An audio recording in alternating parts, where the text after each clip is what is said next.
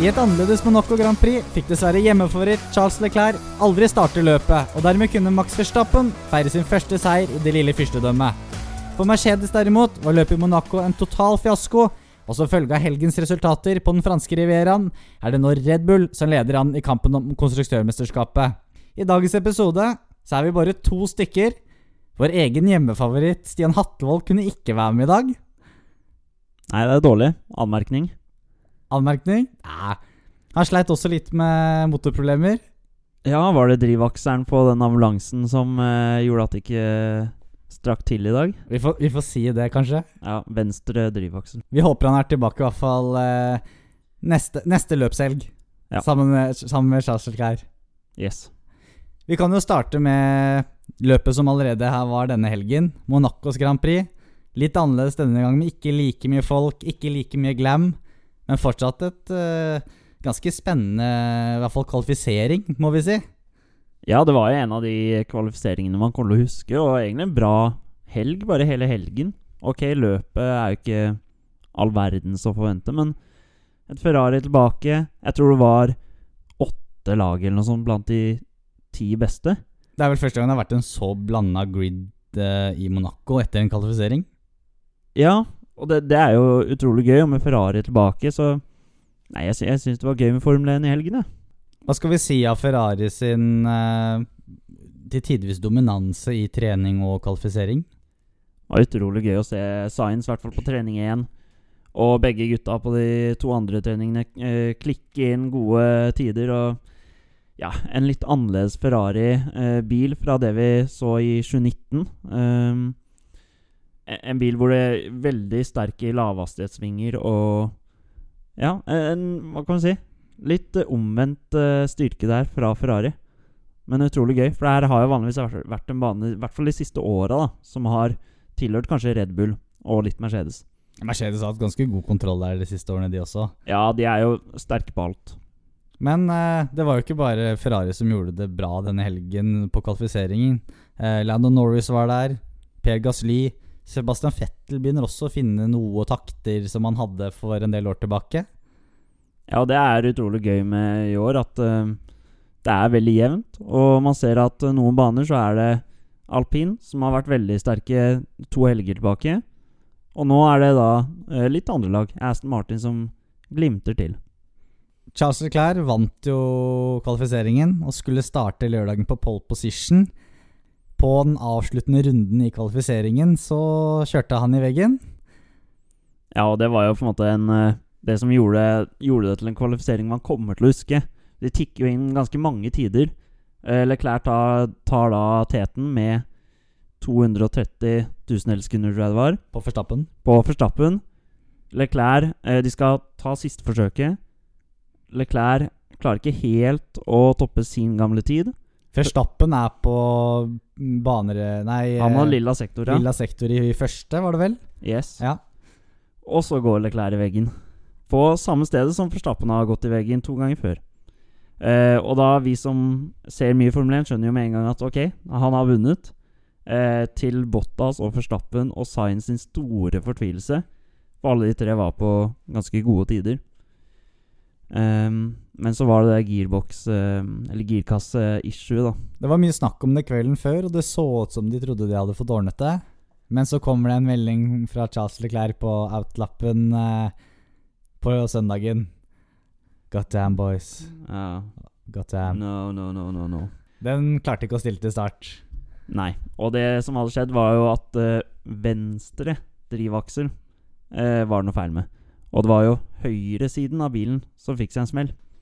Eh, og det de gjorde da, var jo at de testa det de kunne av eh, girkasse, og, og der den fikk skade. Og Park Fermé-regelen sier jo det at de kan bytte det som er skadet. Um, så de sjekket vel ikke venstresiden. Selv om det er relatert, selv om det henger litt sammen. Men da ville han sannsynligvis fått en straff. Ja, det er jeg litt usikker på, men ja, han ville vel kanskje det. Ja, det, vi, vi, det er jo da utenom den performer-bestemmelsen ville være at uh, du kan bare da fikse skadede ting. Ja. Um, og så er det om det hører til girkassen, på en måte. Jeg er litt usikker på den. Det var jo snakk ja. om at de skulle bytte den, men de gjorde det ikke. Nei. De trodde de hadde løst problemet, men Og- Binotto sa jo det er ikke noe gambling uh, å ikke bytte den. For jeg har testa det de kan. Uh, men de hadde jo ikke testa den med, med belastning på. Det, det får de ikke lov til. Men eh, ja, utrolig synd. Hadde de sett problemet, så kunne de ha byttet den på søndag morgen. Det hadde de hatt tid til. Men uh, når Charles Leclerc melder det før, rett før løpet, så Var det for seint? Ja. Men med at da Charles Leclerc ikke kommer til start eh, Hans uheldigheter i Monaco fortsetter, kan vi si. Eh, starter jo da Max Verstappen først, på P2. Fordel til Bottas da inn i første sving, som starta på P3 i høyre, på høyresiden. Men Førstappen får en god start. Starter veldig skrått. Han starter veldig skrått. Og han eh, viste jo Gjør litt de samme taktene som i Barcelona. Han vinkler bilen veldig mot Bottas. Og eh, Men han ser vel at Bottas har sto, så stor fordel av å kunne kjøre rett fram uten at Leclerc er foran at han må det. Ikke sant? Og jeg tror Verstappen har den der mentaliteten. Han gønner på. Og så lar han det være opp til den han kjører mot, om de skal krasje eller ikke. Det så veldig sånn ut. Det var det jeg også tenkte. At uh, Verstappen her vet at Bottas har kommer til å gi seg. Ja, Bottas har ikke alltid de beste startene. Um, og han er litt mer forsiktig. Litt mer sindig. Og ja, man kan si Og Louis Hamilton gjorde jo det samme i Barcelona. Uh, trakk seg for å unngå kollisjon. Uh, nå klarte jo Louis Hamilton å eh, ta Forstappen til, til slutt i Barcelona, men ja Forstappen har den styrken. Han starter i tillegg litt grann foran.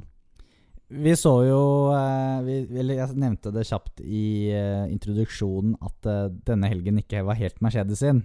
Uh, Louis Hamilton kom da på sjett, syvendeplass i Mm. kvalifiseringen og startet P6 pga. Leclerc var ute. Og man tenkte nå, nå er det Red Bull og Verstappen sin tur til å hanke inn noen poeng og komme nærmere i sammendraget. Vi ventet jo på da det nye taktiske med dekkstrategi denne helgen også. Det var vel det alle ventet på til vel rundt runde 30.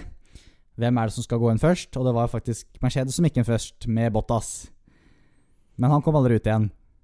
Han kom aldri ut. Jeg skjønner ikke De, de her tingene skjer så, Sånn som du sa, Nesja. De tingene her skjer ikke med Hamilton. Og det er eh, Jeg vet ikke hva det er med Mercedes og de der pitstoppene, men uh, utrolig synd. Og vi må jo rose Bottas. Han får litt kritikk noen ganger. Men eh, denne helgen er han jo bedre enn Hamilton. Klart bedre. Altså han kjører, Hamilton gjør jo en dårlig kvalifisering. Mm. Og det er Det som skjer da i pitstoppet, er jo at Og det, dette har han James Allison, som er da technical director i Mercedes. Eh, han sa det da at eh, hvis man ikke treffer rent med denne pitstop-drillen rett på bolten, så vil man da slite på, på metallet. Det så ut som gjengene egentlig ble dratt av.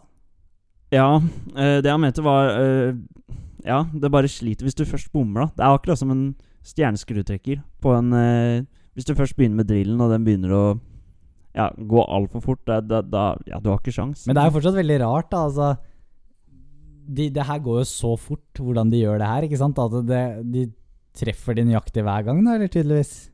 Altså, jeg, jeg har jo sett at det, noen lag har slitt med å få av dekket før, men her fikk du det ikke av i det hele tatt. Nei, og jeg, jeg hørte også at Bottas stoppa litt tidlig. Uh, og at det kan, kunne vært en liten grunn til at uh, han mekanikeren bomma litt. Samtidig så Ja. Det er, det er jo Det er jo mekanikerens feil. Det er jo han som må justere seg etter det. uh, sånn som jeg skjønner det. Men den kan ha blitt veldig, brukt veldig mye, da, den bolten. Også blitt uh, slitt. Men de der, de der pitstop-drillene, de har jo 3000 newton. Altså det, det det er jo helt sjukt. Man bruker jo ja, kanskje 20-25 når man uh, skrur en vanlig skrue, så Men med Bottas ut, så trengte jo Mercedes et skikkelig magedrag for, fra Hamilton for å knappe inn på poeng. Og det gikk jo ikke som det skulle, det heller. Eh, De pitta Hamilton, men der eh, var det andre lag som traff mer med strategien og faktisk kom seg foran Hamilton også. Ja, for han prøvde jo på en undercut på Gasli, eh, som han hadde foran seg. Det endte med at både Gasli og eh, Fettel kom forbi. Og Perez kom forbi litt senere. Perez kom forbi. Han jobba seg fra P9 til P4. Eh, men uansett, Hamilton eh, Alfa Taurus svarte veldig tidlig på det pitstoppet til, eh, til Hamilton. Og Han virker veldig frustrert på radioen. eh, for de hadde tydeligvis en plan om å kjøre ganske lenge på de softdekka. Så får han beskjed om å pitte, og så sier han Gutta, altså, jeg skulle liksom dra maks ut av de der dekka, så får jeg beskjed nå. Eh, så det er tydeligvis dårlig kommunikasjon, og han uttrykte jo også etter løpet at han var eh, ja, frustrert over laget, og at uh, de har noe å lære. Ja, altså, Hamilton meldte jo tilbake til laget sikkert ti ganger etter det skjedde, og bare 'Hvordan er det der mulig?' Mm. Og jeg begynte, begynte å le når uh, du hadde eh, allerede hørt Hamilton mugga ganske kraftig, og så er det en raceingeniør som melder at Peres også forbi. det var utrolig morsomt. Han bare Seriously, how can this happen? For det er akkurat det som er liksom key pointet på Monaco. Du kommer jo ikke forbi med en annen vei. Så det er Men jo, her traff jo faktisk Red Bull på strategien. da. Ikke sant? Det er litt gøy å se, for eh, altså Mercedes uh, finta ut Red Bull i Barcelona. Ja. Og det er jo stygt å si, jeg håper jeg ikke tråkker på noen Mercedes-fans sine tær uh, med det jeg sier nå, men altså at Bottas røk ut, og at Hamilton kom på P7, det er jo det beste som kunne skjedd i sammendraget og i spenningen i Formel 1. Det er jo det. Og si, de som har hørt på poden før, vet jo at vi ikke er noe eh, Mercedes-hater eller noe sånt, men det er bra med litt variasjon. Helt klart. Så Ja. det er sunt for sporten. Og hva kan man si, det beste som kunne skjedd Red Bull, for hadde dette vært en, en vanlig bane, hvilken som helst annen bane, så hadde Hamilton etter en dårlig kvalifisering Han hadde da kunne kjørt forbi de fleste og kommet på ballen. Så ja. To førere vi glemmer litt eh, i alt dette snakket her, er jo Norris og Sainz. Egentlig ganske stille fra seg i hele løpet. Men de kjører jo egentlig Har jo begge to en veldig bra helg. veldig bra helg. Og så klart, de tjener jo litt på at uh, Bottas og Leclerc ryker ut. Uh, de hadde ikke fått pallen hvis det ikke hadde skjedd, mest sannsynlig. Så Men det er veldig gøy å ha de to på pallen. Eh, de gode kompisene. Så ja. Ja, Det var gøy å se intervjuet i ettertid. Det var litt knuffing der. At eh, Norris mente at Science ikke skulle ta over æren hans og Ja, få han vekk fra. TV-ruta. du så på pallen nå, det var litt sjampisspruting og ja. Virka som de koste seg litt og endelig kunne feire litt igjen. Ja da. Så det er gøy å se. Serena Williams var på, så på Ja, det var det mange som syntes var teit. Hva gjør hun på det intervjuet der? Men eh, Det tror jeg det Max Verstappen lurte på også. Det så i hvert fall sånn ut. og det var gøy å se Verstappen hvor liten han var i forhold til eh, Serena Williams. Hun er jo litt høyere. Mm. Pierre Gasly, Sebastian Fettel. Kjører bra kvaliker, kjører bra løp. Veldig gøy å se Fettel i en krige der eh, oppe når eh, han og Hamilton og Gasly også kommer. Og Vettel hadde bestemt seg der. Utrolig gøy. Han, han ga seg søren ikke. Eh, vi fikk jo litt sånn Vi fikk jo en tweet fra eh, Captain Jones her, som forventa eh, skryt av Fettel. Eh, og det, det skal få denne gangen, for det her var eh, utrolig gøy. Det var litt sånn tilbake til gode, gamle Fettel. Ja, det var Altså, han utkonkurrerer jo Hamilton i en dårligere bil på papiret, i hvert fall. Ja. Og med tanke på dagens løp, så har jeg fått et innspill. Dagens løp, helgens løp. Helgens løp. Helgens løp eh, angående Første spørsmålet er om Danny Rick fra da Peder Breen. Eh, han da spør eh, Hva tror dere om formen til Rick i forhold til Norris? Er det bare et spørsmål om tid, eller er han på vei til å bli en dyr og overvurdert fører? Jeg tror det er et spørsmål om tid. Han er jo veldig bra, men jeg tror han er litt frustrert selv over hvor dårlig han gjør det, da. Men det er jo det Når det har gått dårlig, så har det gått skikkelig dritt òg, da. Han har rast nedover på listene. Eh, men jeg, jeg tror det der vil komme seg etter hvert, jeg. Ja, Og det virker jo som den McLaren-bilen har mye pace i seg, og ja, Norris får den til veldig bra. Så det Man må igjen nesten igjen, i hvert fall en sesong. Og så er det litt sånn Jeg tror han falt på resultatlistene fra kvaliken. Altså, han slapp Ja, hvem var det? Både Stroll og ja, Hvem var det? Kimi Raikonen forbi seg. Ja. De fleste endte jo høyere opp fordi Bottas og Leclerc brøt, så det er, er skikkelig dårlig helg av uh, Danny Rick. Det er ikke Det er ikke verdig han selv, holdt jeg på å si. Men jeg tror han kommer sterkere tilbake. Ja. Og Monaco er jo Det er en van vanskelig bane. Hvis det går dritt, så går det skikkelig dritt. Ja, Så Du så Hamilton klarte jo ikke å gjøre noe, han heller. Og Ja. han er jo Hamilton. Ja, og han har jo hatt et par helger hvor han har vært Ja, i hvert fall én helg hvor han har vært bedre enn Norris. Ja da. Så Ja. Det, det, det kommer seg nok. Ja, jeg tror også det. Så har vi et annet her, og det er om Sonoda. Hvilke tanker har dere om Sonodas prestasjoner de siste løpene? Er det forventet av en fører i en slik bil skal kunne garantere å komme gjennom til Q2 og nærme seg topp 10 i løpene? Ble det kanskje satt litt høye forventninger til han etter P9 i Bahrain? Ja, jeg tror nok absolutt det ble satt litt høye forventninger til han. Eh, og det gjorde han sikkert til seg selv også, etter den, den bra plasseringen. Eh, men jeg, jeg vil si at det er som alle andre rookies, da. Du kan ikke forvente noe mer nesten enn det han leverer i starten. Og du har jo sett at Alfa Tauri har jo slitt mer i år enn det de gjorde i fjor. Eh, sånn generelt. Det har jo Gasli også gjort. Så Mm. der igjen også jeg, jeg tror også det bare vil bedre seg på sikt, da, når han bare får flere timer i, i setet. Ja, jeg må si jeg, jeg hadde skyhøye forventninger til Alfa Tauri. Og, altså, Ja, men vi hadde jo det på Ja. Men de har jo vært en liten skuffelse. det har vært en skuffelse og eh, Hva kan vi si Ja, det har skjedd ting som er litt utenfor førernes kontroll, i hvert fall. Men det var gøy å se Piegas Ly gjøre det bra denne helgen, da. Ja, jeg tenker eh, Alfa Tauri-bilen er ganske lettkjørt eh, i forhold til mange andre, så Nei, jeg har trua på Sunode. Jeg, jeg er litt sta, så jeg Jeg har fortsatt trua. jeg håper det. Men ja, forventningene var nok kanskje litt høye eh, til en rookie. Ja, nei, det er helt klart det, men jeg, jeg tror han vil gjøre det bedre Bedre på sikt. Eh, skal vi ta for oss sammendraget etter Monaco-helgen? Det kan vi. Og det er jo Max Verstappen som for første gang leder VM. Han har nå 105 poeng. Hamilton har da 101 poeng, rett bak. Og så er det langt ned til eh, tredjeplassen. Der er Landon Norris. Er en ganske klar tredjeplass, er det ikke det nå? Nja, ikke så Walter Bottas har 47 poeng. Ja, selvfølgelig. Jeg glemmer jo Bottas, Ja. da. Uh, og så følger da Perez på en femteplass med 44 poeng. Leclerc 40 poeng. Han hadde jo Han hadde jo vært langt foran, hadde han ikke krasja. Ja. Men, men. Men det er jo bra da for Red Bull å se at uh, Perez er rett i hæla på Bottas, da. Med Ja. tanke på konstruktørsammendraget, hvis de klarer å få han forbi Bottas på sikt.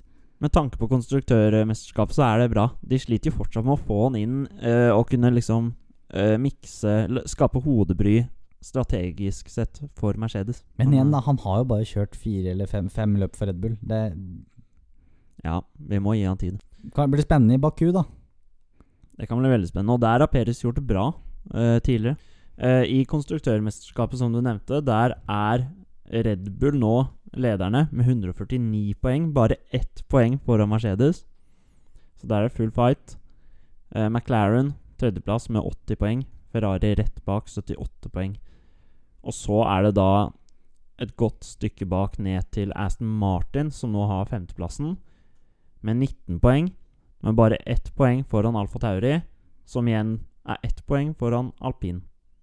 Så det er eh, Det blir et rotterace fremover. Et rotterace om eh, førsteplassen, tredjeplassen og femteplassen. Det er jo veldig gøy. Det er veldig gøy. Så mye Det er det er første gang på lenge, det, altså. Mye å se fram til. Et veldig åpent løp i Baku som har vært de siste årene. Ja, det er kul bane òg. Eh, skal vi ta vår kjære power ranking i kåre de beste førerprestasjonene i denne helgen som har vært? Kanskje det er noen andre førere som klatrer litt opp denne helgen? Jeg tror det, altså. Ja, Ja. det er veldig gøy. Det er jo det vi virkelig ville med denne powerrankingen også. Ja, ikke sant? Jeg mistenker at vi kanskje har samme på førsteplass, eller? Uh, jeg har skrevet Fettel slash Science, uh, Ja. men hjertet sier Fettel, altså. Ja, Sebastian Fettel. Ja, Ja, helt klart. da gir vi han en treer. Yes, tre stjerner der. Ja, da blir det Science på andre for meg, altså. Ja, vet du hva? Jeg har faktisk ikke satt Science eh, der. Jeg har satt Pierre Gasli. Ja, jeg har Gasly på ja, enten to eller én stjerne, men Ja. det er bra det Sands leverer, altså. Det er bra, men han får en Altså, han- får en andreplass. Han hadde ikke Hvis Bottas og Leclerc hadde fullført kunne fullført løpet, så Ja. hadde han fått en Ja, det er sant når du sier det. men det er jo en bra helg. Han er jo Ja. Han prøvde seg jo. Det var jo et godt stykke etter um, første pitstop, så var han jo bare et par sekunder bak Forstappen og ville jo prøve seg. Altså, ja, det, er, det er litt tips med happ hvem som skal få den. Kan, vi kan Ja. godt gi Gasly to, men da blir det Science på én, da. Ja. Eller vil du ikke ha Science på én heller? Der, der har jeg faktisk Giovinazzi. Ja, jeg hadde også hatt sånt spørsmål. Ja. Ja, det er vanskelig. Det er, vi skulle hatt fem stjerner å dele Ja, ut. nei, jeg syns Science fortjener i hvert fall én stjerne. Altså, og så er Gio Han kunne fått en ros isteden, Ja. nesten. Altså. En pallplass er en pallplass, er det ikke det? Ja, og det er, det er fortsatt sterkt. Og du vet hvor Ferrari har vært, selv om de nå blir sterkere og sterkere. Men at han er der oppe, det er bra.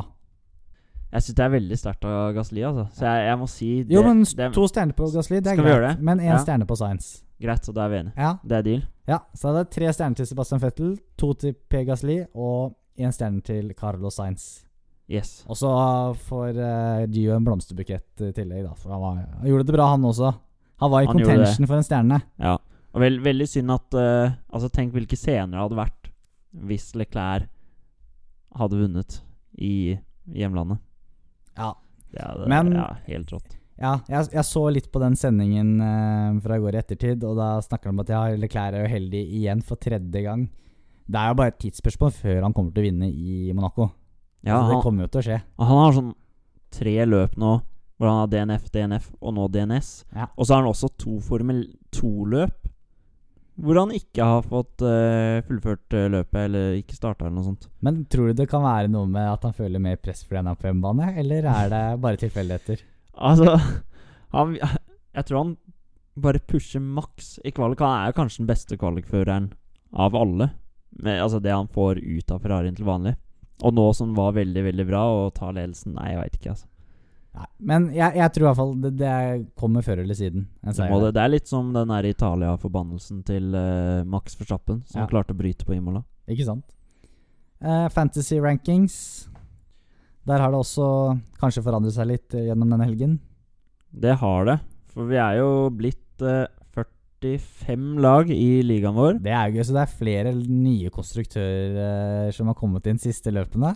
Ja, det ser sånn ut. Det er gøy. Så da er det ikke på sisteplass. Jeg har aldri vært på siste. Nei, nei, nei. Kødder. Jeg tror faktisk førerne mine gjorde det ganske greit i helgen, da. Ja. Utenom Ricardo, da. Så den som leder, det er da Ashley Schæfer eh, F1 Racing Oi. med 1049 poeng. Oi, oi, oi. Og så følger da eh, vår gode venn Anders Lemme med Heavily Delayed Unicorns. 1031 poeng. Lemme klatrer, altså. Han gjør det, så det er veldig sterkt. Hvem er best av oss tre? Det er fortsatt Hattevold, Det er fortsatt Hatlevold. Han har 1000 poeng. Ja. Jeg har rykka ned til en ellevteplass, vet du hva. Jeg satte inn masse effort uh, denne helgen. Jeg satte inn Leclerc, jeg satte inn Science. Jeg tok ut Hamilton og bytta med Verstappen. Og jeg satte inn Giovinazzi. Det var bare Og jeg tok Leclerc som turbodriver. Og det så helt perfekt ut. Han vant kvaliken. Så det, det kunne gått bedre. Men eh, jeg fikk jo Hvor mange poeng fikk jeg? Nei, jeg fikk over 100, i hvert fall. Så Det er jo greit, da. det, det, er, det er en fin helg, men det kunne vært så mye bedre. Så en el- ellevteplass der, og Men jeg, jeg, jeg er fortsatt med i kampen. Ja. Mm. Men det er, det er mange, mange gode her, altså. Ja. Ja. Og det, det er mange løp igjen, altså selv om man ligger langt nede, så er det mye poeng å hente inn i løpet av sesongen. Det er det. Det er jo som Forstappen sa etter Barcelona. Det er, det er lang sesong. Mm. Det er jo ja, 17 løp igjen, er det vel. Så det Dennis Hauger hadde jo fri den helgen, men Formel 2-gutta de kjørte i Monaco. Det gjorde de. Det er vel også litt spenning og dramatikk. Ja, og i motsetning til Formel 1, så er, eller det er litt flere forbikjøringer i Formel 2 på, i Monaco. Så det er jo gøy. Så der var det da Theo Porcher som eh, var raskest i kvaliken. Han endte også opp med å vinne det der feature-racet, eh, som er det gjeveste. Eh, som var på lørdag. Eh, det første sprintløpet, det er jo sånn reversert grid, det ble vunnet av kinesiske Su, som er da alpin eh, akademifører. Det andre løpet, der var det mye dramatikk. For der eh, det så ut til å først bli, bli vunnet av Liam Lawson. Han hadde en fantastisk forbikjøring på Oscar Piastri. Eh, dessverre så ble han diskvalifisert. Jeg vet ikke helt hvordan jeg skal klare å forklare det, men eh, det er noe sånn defined throttle pedal, som de kaller det. Eh, sånn derre Ja, som skal være i posisjon én under formasjonsrunden og starten av løpet fram til du når 50 km i timen. Og det, hadde, det regelbruddet der hadde han brutt, da. Det er vel sikkert noe med hvor mye effekt eh, gassen egentlig vil gi, kanskje. Ja. Så Men da var det Dan Tictum som eh, vant. Eh, den eh, sorte andungen i, i de formelseriene. Så det er jo litt gøy for han, da. Men eh, jeg må si, selv om det er veldig mange uh, rookier som imponerer, så er det også ganske mange som har kjørt to år nå, som uh, Som jeg tror uh, Jeg tror det kan Hvis Dennis går videre til Formel 2 neste år, så tror jeg det kan åpne seg opp en bra plass der. Det blir veldig spennende å se fremover. Nå er det vel også noen uker til neste Formel 2-løp også. Det er i Baku, faktisk. Det er allerede i Baku, ja. Det er allerede i Baku. Ja. Så, så er det So, kinesiske So, som leder det Formel 2-sammendraget nå. da. Baku kan også bli veldig spennende for Formel 2-gutta, da. Ja, det kan bli veldig bra løp. Eh, siden eh, forrige løp så har det jo skjedd litt diverse i Formel 1-verden. En sak som har blitt snakket utrolig mye om, er jo de såkalte flex-vingsene. Spesielt inn mot eh, denne, denne helgen så har det vært mye diskusjon om dette. Ja, for det, det var jo en stor snakkis etter eh, Barcelona. Eh, du forklarte flexwings veldig bra, Nirstad. Kan ikke du forklare det? Ja, Ut ifra sånn som jeg forstår det, da, så er det da vingene på bilen som eh, rett og slett flekser under eh, løpet, eh, som gjør at du da kan få mer downforce. Og dette her sjekkes jo av FIA, eh, og det er jo da ikke lov med såkalte flexwings, er jo reguleringen på det. Men eh, Red Bull, ut fra sånn som jeg hørte, så er Red Bull, Ferrari Alfa Tauri har da såkalte flexivings Og sånn som de sjekker det, så har de da klart å komme utenom eh, testingen på det med at eh, de flekser ikke når eh, Fia eh, legger press på dette her stillestående, Mm. men at vingene vil flekse under fart.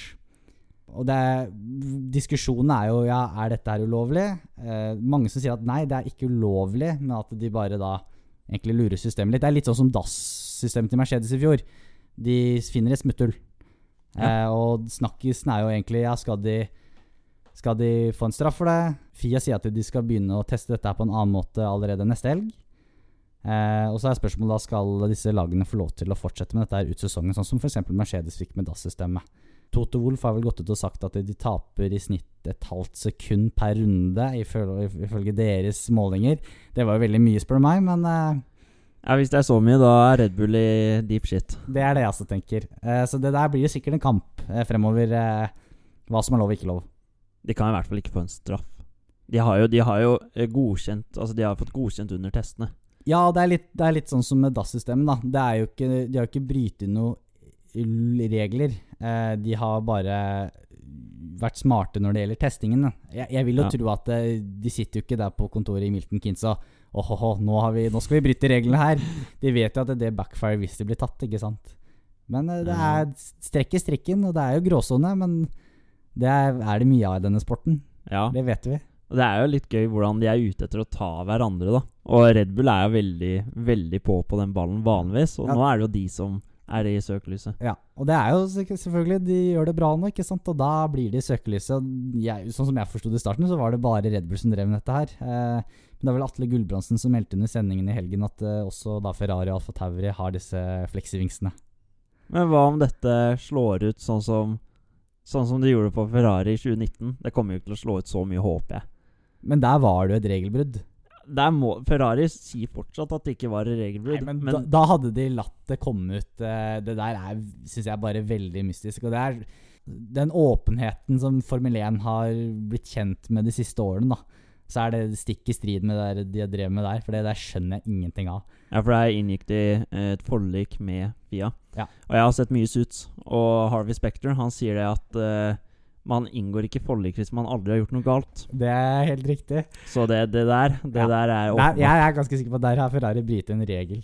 Ja. Men uh, det er nå min mening. Det er jo mange meninger om det der. Og vi har jo en annen uh, Stian som ikke er i dag, som sier noe helt annet. Så det, det der er åpent for diskusjon. Han er jo ganske Ferrari-fan. da, som med- Fort det er Red Bull som er i søkelyset, så tror jeg han er litt sånn, ja. det, det, er, det er bra. Det skaper interesse, da. Ja, helt klart. Men uh, det blir i hvert fall spennende å se fremover. da det, den, Jeg tror ikke den diskusjonen er ferdig. Både blant fans eller blant uh, teamene. Ja, men det, det vil bli også veldig gøy å se i Drive to Survive, da. Og se om Toto og, og Kristin Horner prater litt om det der. Og så blir det spennende å se da om de, ja, om faktisk da Fia klarer å komme med en type eh, måte å teste dette her på allerede i Baku. da Om eh, disse lagene som har disse fleksvingsene, klarer å gjøre om sånn at det heller ikke blir sjekka på riktig måte da, i forhold til de vingene. Det blir jo også spennende å se, da. Ja, Og jeg bare ser for meg at ok, nei, hvis de taper eh, et halvt sekund i snitt, da Det, det blir kjedelig. Det er litt samme følelsen når du har en litt sånn sliten bruktbil og skal sende på EU-kontroll. Ja. Nei. Time will show hva som vil skje. En annen ting er jo at eh, det også nærmer seg sommer nå, og med sommer så er det ofte også litt silly season. Det tok jo helt av før sommeren i fjor. Og det er jo noen førere som eh, er ute av kontrakt eh, coming desember også, Det er det. i år òg. Og vi kan starte med Mercedes. De har jo to åpne seter neste år. Eh, hvor da det er eh, selvfølgelig Hamilton og Bottas vil være eh, to av kandidatene. Russell er jo også en stor snakkis. Og Con, han har eh, kontrakt som utgår etter i år. Og han har da Toto Wolff som manager. Og så er det selvfølgelig eh, Forstappen, som har kontrakt med Red Bull, men som er en eh, framtidig verdensmester, og som er litt i den diskusjonen der også, eh, blant eh, spekulantene. Eh, men, men hva tror du der? Hvem, hvem tror du sitter i de to setene neste år? Altså, jeg tror først og fremst hele silly siste år Jeg tror det kommer til å ta litt lengre tid enn det det gjorde i fjor, og få litt eh, fart på seg. Og det, grunnen til det er at jeg tror Jeg tror alt har å si på hva som skjer i Mercedes. Eh, jeg tror liksom det vil være litt dominoeffekt etter Mercedes-setene er satt, da. Akkurat som med Ferrari i fjor. Ja, uh, men jeg tror det vil ta lengre tid enn det det gjorde i fjor. Altså, jeg tror vi kommet ganske seint med det. For eksempel Hamilton tror jeg ikke ville ha bestemt seg før han kanskje vinner VM i år eller ikke. Men han har, eh, jeg har sett noen artikler om at han vil eh, ha ny kontrakt uh, til sommeren, faktisk. Ja. Eller før den pausen, Ja, faktisk. Og det er nok fordi han vet at uh, Russell også Nei, men jeg tror Hamilton har gjort så mye for dem at han, hvis han sier jeg vil bli, så får han bli. Mm. Så kan det hende det blir en one-two punch med Russell og Hamilton neste år, kanskje. Ja. Bottas vil jeg vel tro er på vei ut. Kanskje de swapper Bottas og Russell. Ja. Bottas tilbake i Williams. Det kan jo hende. Det kan hende. Ja. Den var ikke dum. Det er jo Jeg tenker Bottas da, ferdig Mercedes. Eh, han er jo en solid fører, og det kan jo være bra for Williams i et oppbyggingsprosjekt. Og med den erfaringen han har fra Mercedes, riktignok nye biler neste år. Ja. Så har han jo kjørt bra i Williams tidligere òg, så han kjenner jo på en måte organisasjonen der. Mm. Så det kan jo være. Eh, Verstappen tror jeg vil bli Red Bull. Jeg tror han ser nå at Red Bull de er jo faktisk for første i år fighting sjanse på å vinne. Og så tror jeg også framtidsutsiktene for Red Bull er veldig bra. Ja. Jeg tror Verstappen er så viktig for Red Bull. Altså, Hva er det de hadde fått til de siste åra uten Verstappen? Altså, men én ting er jo hva han får til, men så er det den der litt sånn Red Bull-profilen også, da, med litt sånn uh, Gale-Mathias er litt uh, all in og sånne ting. Det er jo litt Red Bull over deg, er det ikke det? Det er litt Red Bull når du sier det. Ja. Jeg tror bare han er så viktig for Red Bull at de vil gjøre hva som helst. Og nå har de jo henta Mercedes-ingeniører uh, fordi de må eh, begynne å lage sin egen motor. Um, Altså, han får ikke noe Jeg tror ikke han kommer til å få noe mindre penger i Red Bull enn i andre lag. nei, absolutt ikke. Og med den uh, cost-capen som er nå, den gjelder jo ikke eh, lønningene til uh, førerne. Så de har jo enda mer å putte inn der, vet du. Men jeg tror også Jeg tror uh, Verstappen jo lurte å gjøre det bra i verdensmesterskapet i år, og så være inne i kontraktsforhandlinger og si Se her, jeg var uh, så nærme å vinne VM-tittelen, eller jeg vant VM-tittelen. Det blir nok noe penger på bordet til Forstappen uh, neste år. Absolutt. Og når du ser hvor mye bedre han er enn de tre som har prøvd seg i det setet til nå, da. Nå gjenstår det å se med Peres, men fortsatt. Ja, Ricardo er den som har vært nærmest siste Ja, de, egentlig, egentlig siden Verstappen kom inn i Red Bull, da. ja for de var, de var jo jevne, vil jeg si. Men da du må huske at da var jo fortsatt Verstappen bare 16-17-18 år. 18 år ja. når, når det gjelder tilbake på Mercedes, så tror jeg Jeg kan ikke se noe annet enn at Russell kommer til å få et sete der. Han har vært tre år i Williams nå. Han er så stort talent. Han er litt av den Williams-spiriten. Han har litt det inni seg. Ehm, ja, Hvis han ikke får et sete nå, da hadde jeg begynt å bli utålmodig, i hvert fall. Så jeg, jeg tenkte før sesongen tenkte jeg at Russell er nummer én eh, på det setet. Samtidig så er det umulig å se at Hamilton, som er Han er på topp av gamet sitt akkurat nå. Det er umulig å se at han skal sitte et annet sted enn Men, der. men da er kanskje største sjansen, hvis Russell skal opp, det er en swap kanskje mellom Bottas og Russell. Da. Ja, jeg syns ikke det er en dum idé, altså. Men hva tenker du, tror du Russell kunne havna et annet sted? Ja, det er det, da. Da bryter han jo ut. Nå, nå har han vel også På slutten Nå er han vel på slutten av den Mercedes-kontrakten sin også, med akademiet. Men se, se for deg da at uh, det blir ikke noe bedre med Peres uh, dette året. Tror du Red Bull kunne bære Nei, vi skal ha Russell og Verstappen. Det hadde vært veldig gøy. Ja. Altså, nå har jo for første gang i år uh, Red Bull gått ut fra det der å hente en egen juniorfører. Altså, når de først har gjort det én gang, da kan de fort gjøre det en gang til. Det ville, det ville vært et, eh, et lite sjokk, men uh, ja. Ja, ja. ja. Det kan skje, men igjen Jeg, jeg ser det 99% sikkert fra at han kommer Mercedes. De, de er dumme hvis de ikke gjør det, fordi Russell er Jeg tror han er 98-modell eller noe. Han er ganske bra fyr. Eh, kanskje i motsetning Eller sånn unntak av det som skjedde på Imola. Han er Ja, han er selvskreven. Altså, de er dumme hvis de ikke gjør det, fordi Selvfølgelig, Hamilton fortjener en ny kontrakt neste år. Men han har vært der siden hva er det, 2014 eller 20, Nei, 20, tidligere. 2011 var det vel? Ja, ja, noe der. Ja. Og det er på tide med en fornyelse, da. eh, Tenker jeg. På et eller annet tidspunkt så blir det det. Ja, men Bottas virker jo veldig klar på Det, det virker som om det er ferdig etter i år uansett. Så der trenger Ja. de kanskje en til, da. Men altså, Ocon, han blir vel ut. Det tror jeg veldig på Gasslyen der kanskje neste år. Jeg tror det. Ja. Fordi Ja, han har Altså, det sies, da. Gasli var veldig aktuell til, den, eh, til det setet, men det sies at alpin har vært veldig fornøyd med Ocon i år, da. Hvordan han har prestert. Ja, men det, det, det, det ser jeg jo. Han, jeg syns han, han har vært til tider klart bedre enn Alonso også. Mm. Så jeg personlig mener jo at Alonso egentlig bare er tull å ta inn her. Men eh, altså, ja, det er bra for sikkert PR og alt det der, men det, det er sånn halvveis. Syns du det? Ja. Ja, men han kommer jo aldri til å vinne VM der. Nei. Er det noen som kommer til å vinne VM der? Det, det er jo det som er, var målet deres da når de henta Ricardo, at det, er Ja, ja. målet i løpet av noen år. Ja. Men greia er også Jeg sier ikke at Ocon kommer til å gjøre det heller, da, men eh, Nei, greia er også Ocon og Gasli De går ikke sammen. De, de hater hverandre, faktisk. jo jo. De hater jeg nå helt til de kan bli venner, da. Det, Ja, vi får se. De har lang historie, helt fra gokarten. Ja, ikke sant. Ja. skal vi gå videre til ris og ros.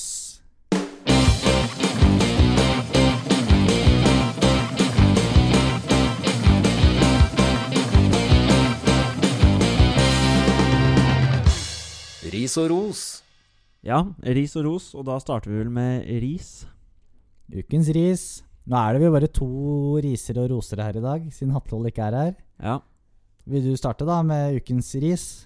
jeg kan starte, og den var eh, jeg var ganske overbevist fra mange som satt og så på TV i går. Og det var da den lokale TV-produksjonen av eh, løpet som var. Eh, Formel 1 pleier da eh, å ha samme eh, produksjon rundt om i hele verden. Fordi det er veldig komplisert å eh, produsere TV eh, med Formel 1. Eh, det, men de gjør det veldig bra. I går så var det jo Monaco en sånn ja, kanal som gjorde det der. Sikkert Statskanalen i Monaco. ja. Så da Fettel og Gasli kjempa om den der plassen ut fra pitstoppet, så var det mm, Nei, da skulle vi vise Stroll. så en, en ris til de. Jeg Ja. skjønner ikke hvorfor de gjorde det i går. Men eh, Om det er en greie eller hva ja. Sikkert en grunn til det, men eh, kjipt allikevel. Ikke sant? Ja, nei, min ris går til eh, Jeg nevnte tidligere i podkasten. Mercedes og pit crew til Bottas. Det er jo typisk at det er Bottas. Stakkars fyr, altså. Ja, jeg syns faktisk litt synd på Bottas. Ja. Uh, når han endelig er liksom klart bedre enn Hamilton på kvalik han, han er langt foran Hamilton i løpet, og nei da. Så uh, ris til de. En liten trøstepremie til Bottas, det, kanskje. Ja. Og så- men så det er litt ros, da. Han, jeg syns Bottas tok det veldig bra i intervjuet etterpå også. Han er veldig sindig fyr. Ja.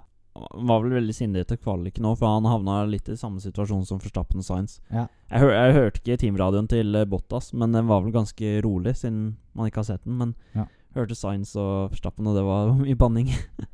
Ikke sant? Men hvem, hvem gir vi ris til? Nå er vi bare to, så nå, nå, Ja. nå må vi, nå må vi diskutere her. Jeg syns vi skal straffe Mercedes litt. Ja, altså. Ja, vi kan gjøre det. Ja. Det eh, TV-produksjonen var, det var ikke krise. Det var er, er, irriterende. det det- vanskelig å få til når det er én gang i året, vet du. Ja, det er mer irriterende for eh, Bottas, tror jeg, enn det er for oss eh, som ser på Formel 1. Ikke sant? Så det Ja. Da går ukens ris til Mercedes og pit crewet. Yes. Toto Wofogo, hjem og jobbe. Hjem og jobbe, ja. Ukens ros eh, skal jeg ta min først. Den går faktisk til Nikita Masepin. For å da i Monacos trange gater å ikke spinne. Og egentlig kjøre ganske sikkert og ikke skape usikkerheter for andre, de andre førerne. Det var lite radiomeldinger at han var en villbass utpå der denne gang. Og det er imponerende i Monaco. Det er veldig imponerende. Mick klarte jo å krasje to ganger i løpet av helgen. Alle er veldig glad i Mick, så man føler veldig med han. Ingen sier noe da. Eh, nei, da er det bare trøst. Uh, for man liker jo Mick. så er det ikke så mange som liker Maspin. Nei. Eh, jeg kan ikke si at jeg er sånn superfan sjæl. Uh, Så jeg syns han fortjener litt ros for det, faktisk. ja, han gjør det. Han gjør det. Ja. Eh, jeg har da ros til Giovinazzi for å komme til Q3. Det syns jeg er veldig sterkt. Slå Dan Rick, eh, blant annet. Eh, jeg har også én ros, og det er litt, uh, det er litt gammelnytt, men det er da til McLaren og deres eh, sånn spesielle uh, Gulf livery. Det er Jævlig kult. Altså, jeg syns de skulle bare kjørt med det hele tida. hele tida, ja. Ja. Mm. Nei, så Det virket eh, som også Norris var jævlig fornøyd med den uh, dressen. Og bare Den her er rå, ass. Ja. Er det sånn retro Det er kult. Ja. Ja. Nei, altså Jeg tenker jo Vi var jo veldig på å gi poeng til uh, Giovinazzi i power-rankingen, da, så kanskje han skal få en ros, da. ja. Han burde Selv om det er litt kjedelig ros, så han fortjener kanskje i hvert fall en av delene. Ja. Så Ja. da skal vi gi han en ros, da. Da skal vi gi han en ros. Han får jo ikke hele mest Han er en av de mer anonyme Ja. førerne på griden nå. Ikke sant? Mm. Ja, men da gir vi en ros til Giovinazzi for å uh, klare Q3 og også skåre et poeng i løpet. Ja, det er sterkt. Det er sterkt. Men da er vi ved veis ende, egentlig. To uker så er det nytt løp i Baku. Det ser vi veldig frem til. Der er det som oftest veldig mye action, og det vil vi jo tro med årets sesong at det også vil være nå. Ja, håper på en uh, bra duell mellom Hamilton og Verstappen. Zac Brown har jo sagt at uh, det er bare spørsmål om tid før de eh, Krasjer. Yes. Altså, jeg syns det er så gøy med Zac Brown, for han bare prater helt åpent om Som hvilken som helst annen fan. Det vil jo sikkert bli en sånn Hamilton-Rosberg-versjon, bare med at det er to forskjellige lag denne gangen. da.